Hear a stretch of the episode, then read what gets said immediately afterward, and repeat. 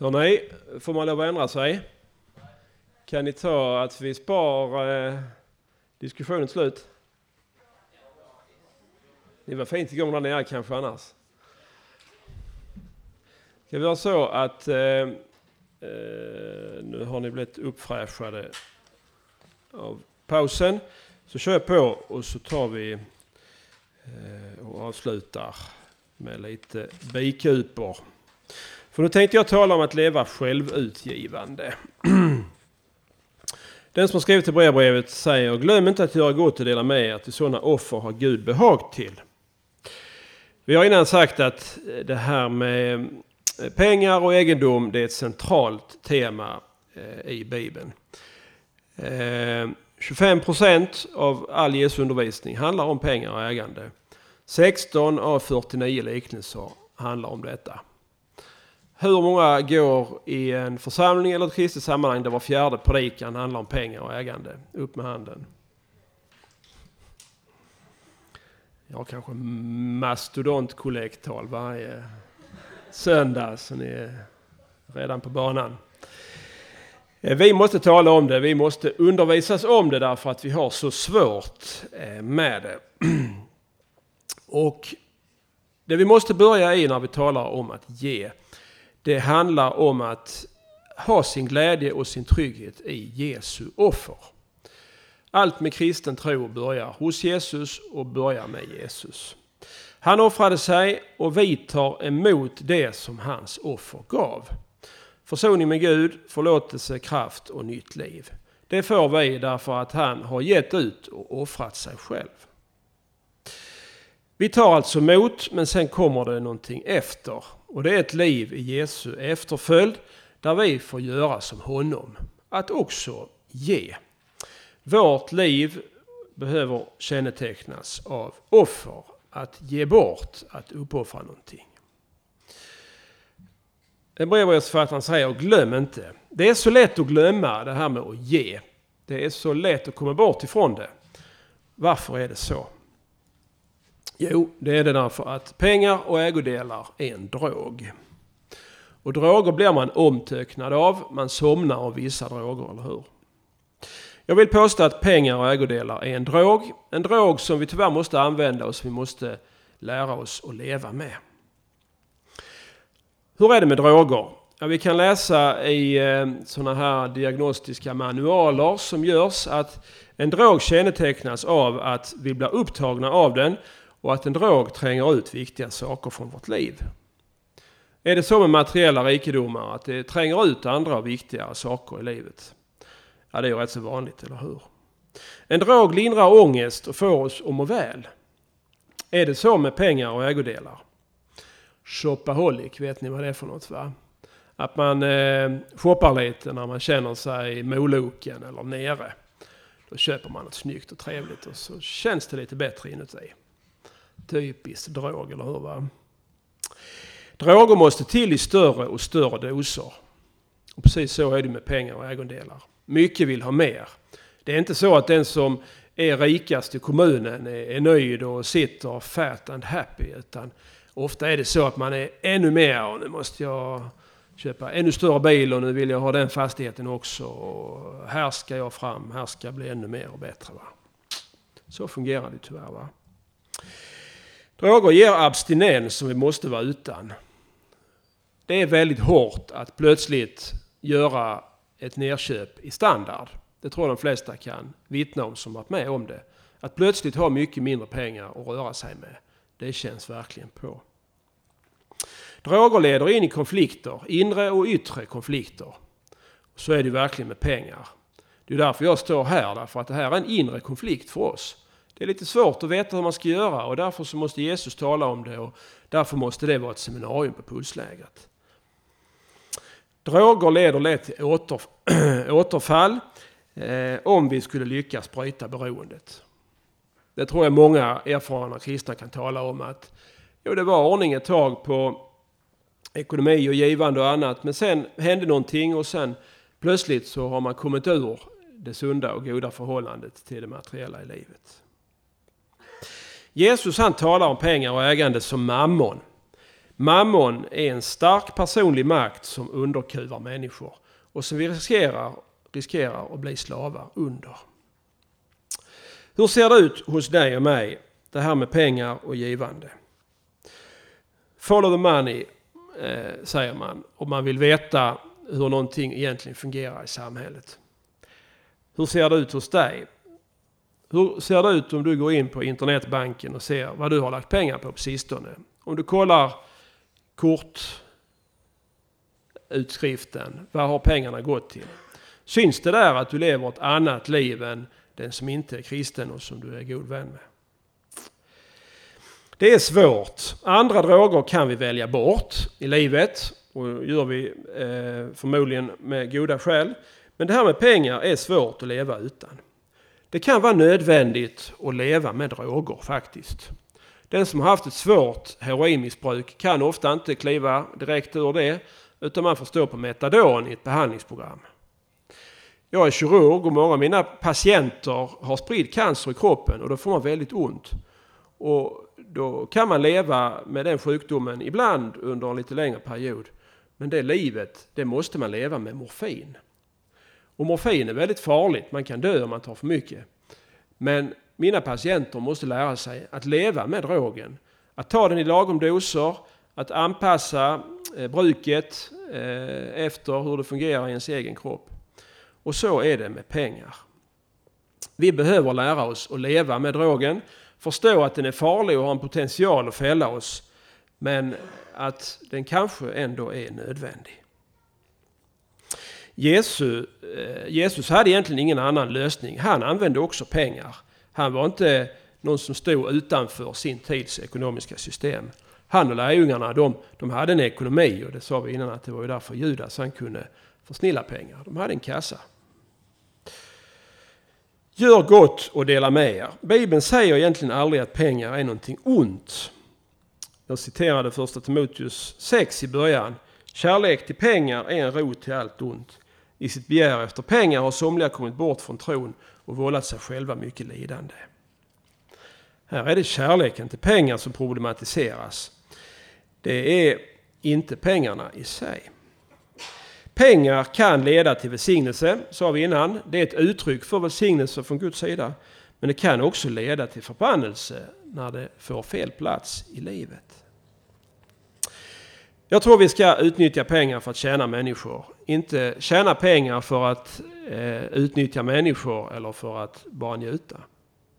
Utan vi får använda de tillgångar vi har för att tjäna Gud och tjäna medmänniskan.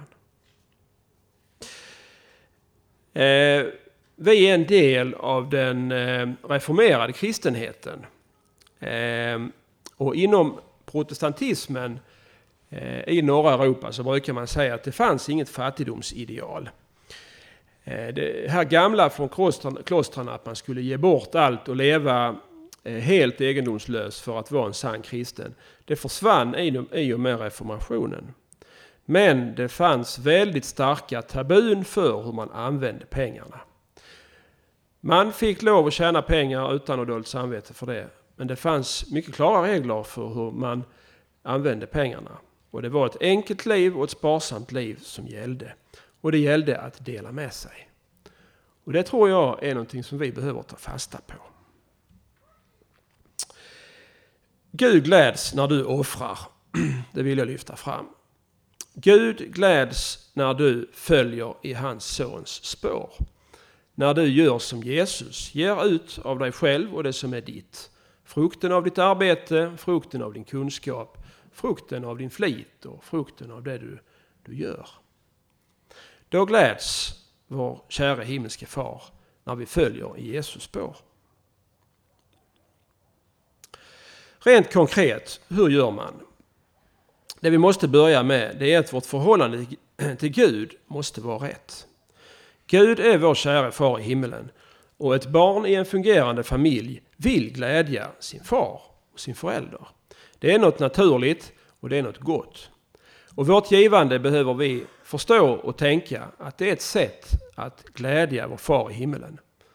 Inte för att förtjäna platsen i barnaskaran eller för att ångestfyllt eh, liksom slita ihop till, till eh, rätten att, att vara barn en månad till. Utan bara för att det är en glädje att få göra det. En svensk minister sa en gång, Mona Sahlin, det är häftigt att betala skatt. Eh, jag vet inte vad jag ska säga om det, men Eh, det, det, var helt rätt om man tänker eh, i, i Guds rike. Det är häftigt att få dela med sig. Det är häftigt att få, få ge bort av det som, eh, som vi har. Att få ge av sig själv, av sin tid och av sina resurser. Därför att det är liksom, då blir man en del i något större. Då deltar man i familjelivet och man väcker en massa glädje och man får glädje och man känner att här kommer jag till min rätt. Det är verkligen häftigt att betala skatt i Guds rike om man nu vill använda den eh, bilden. Paulus han säger i Andra Korinthierbrevet, var och en eh, må ge vad han har beslutat sig för i sitt hjärta, inte med olust eller av tvång, ty Gud älskar en glad givare. Eh, sex, fem punkter eh, avslutningsvis. Ge och var glad. Förstå att det är att ta del i livet i Guds familj. Att ge bort av det som är ditt av dig själv. Ge regelbundet därför att det är en del av det kristna livet. Att ge till Guds rike och att ge till de som behöver. Det handlar om att föra det andliga livet vidare. Det handlar om att påminna folk om vem Jesus är och vem Gud är, vår kära himmelske far. Det är att liksom bli en del av det som växer och gror för evigheten.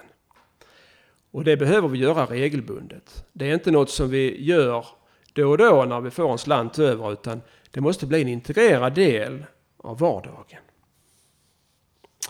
Att ge troget, det är det svåra. Att offra någonting även om man tycker att man inte har någonting att offra, det är svårt. Och det kräver planering. Jag tror det är viktigt att planera sitt givande. Ofta är det så att vi ger någon gång i gudstjänstens känslosvall när det känns väldigt bra. Eller att vi gör det pressade av räkningshögen och så försöker vi få till och, ge lite, lite grann. Eh, men det blir ju ofta inte så mycket över eh, i slutet på månaden när räkningarna ska betalas. Va? Vi behöver planera och vi behöver ta ut riktningen. Vi behöver ge till Guds rike först av allt och att inte vänta till, till sist. Och bara av det som blir över. Utan eh, ska vi vara trogna i vårt givande så, så måste vi ha en konkret tanke och en konkret plan. Det vi ska ge det är att ge tid och att ge pengar. Egentligen är det samma sak, tid och pengar. Och lite är det så att den som har mycket pengar har ofta lite tid och den som har eh, lite pengar kan ha ganska mycket tid. Ja, så fungerar det inte alltid men lite grann är det så. Det vi behöver göra det är att ge både tid och pengar. Vi behöver ge pengar även när vi tycker att vi inte har råd. Och vi behöver ge av vår tid även när vi är jäktade. Därför att det för oss liksom in i ett sunt liv och i sunda vanor.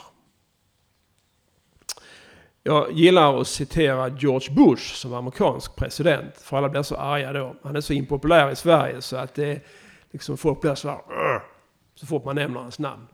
Och det tycker jag är kul. Eh, han sa en gång, varje amerikan måste under sitt liv arbeta 4000 timmar ideellt för att vårt samhälle ska bli ett bra samhälle. Det var väl genialt? Fantastiskt va? Det är ju verkligen så samhället blir ett bra samhälle om vi är generösa och gör någonting för någon annan även om vi inte får betalt för det. Och sitter vi och funderar och tänker så är det ju rätt så mycket va. 4000 timmar, det är ungefär vi jobbar, om vi har ett 8 timmars arbete, ungefär 2000 timmar om året. Va? Ungefär, kanske något mer. Det handlar om två årsarbeten. Och det, eh, då säger jag inte att, att vi ska jobba Ehm, eh, 120 timmar per år i 40 år, utan det här gäller under livet.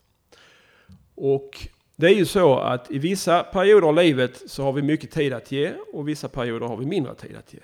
Och i vissa perioder har vi lite mer pengar att ge och andra perioder har vi mindre pengar. Vi får tänka ett livsperspektiv. Inte som en ursäkt att smita undan, men som någonting att planera efter. och ha med sig.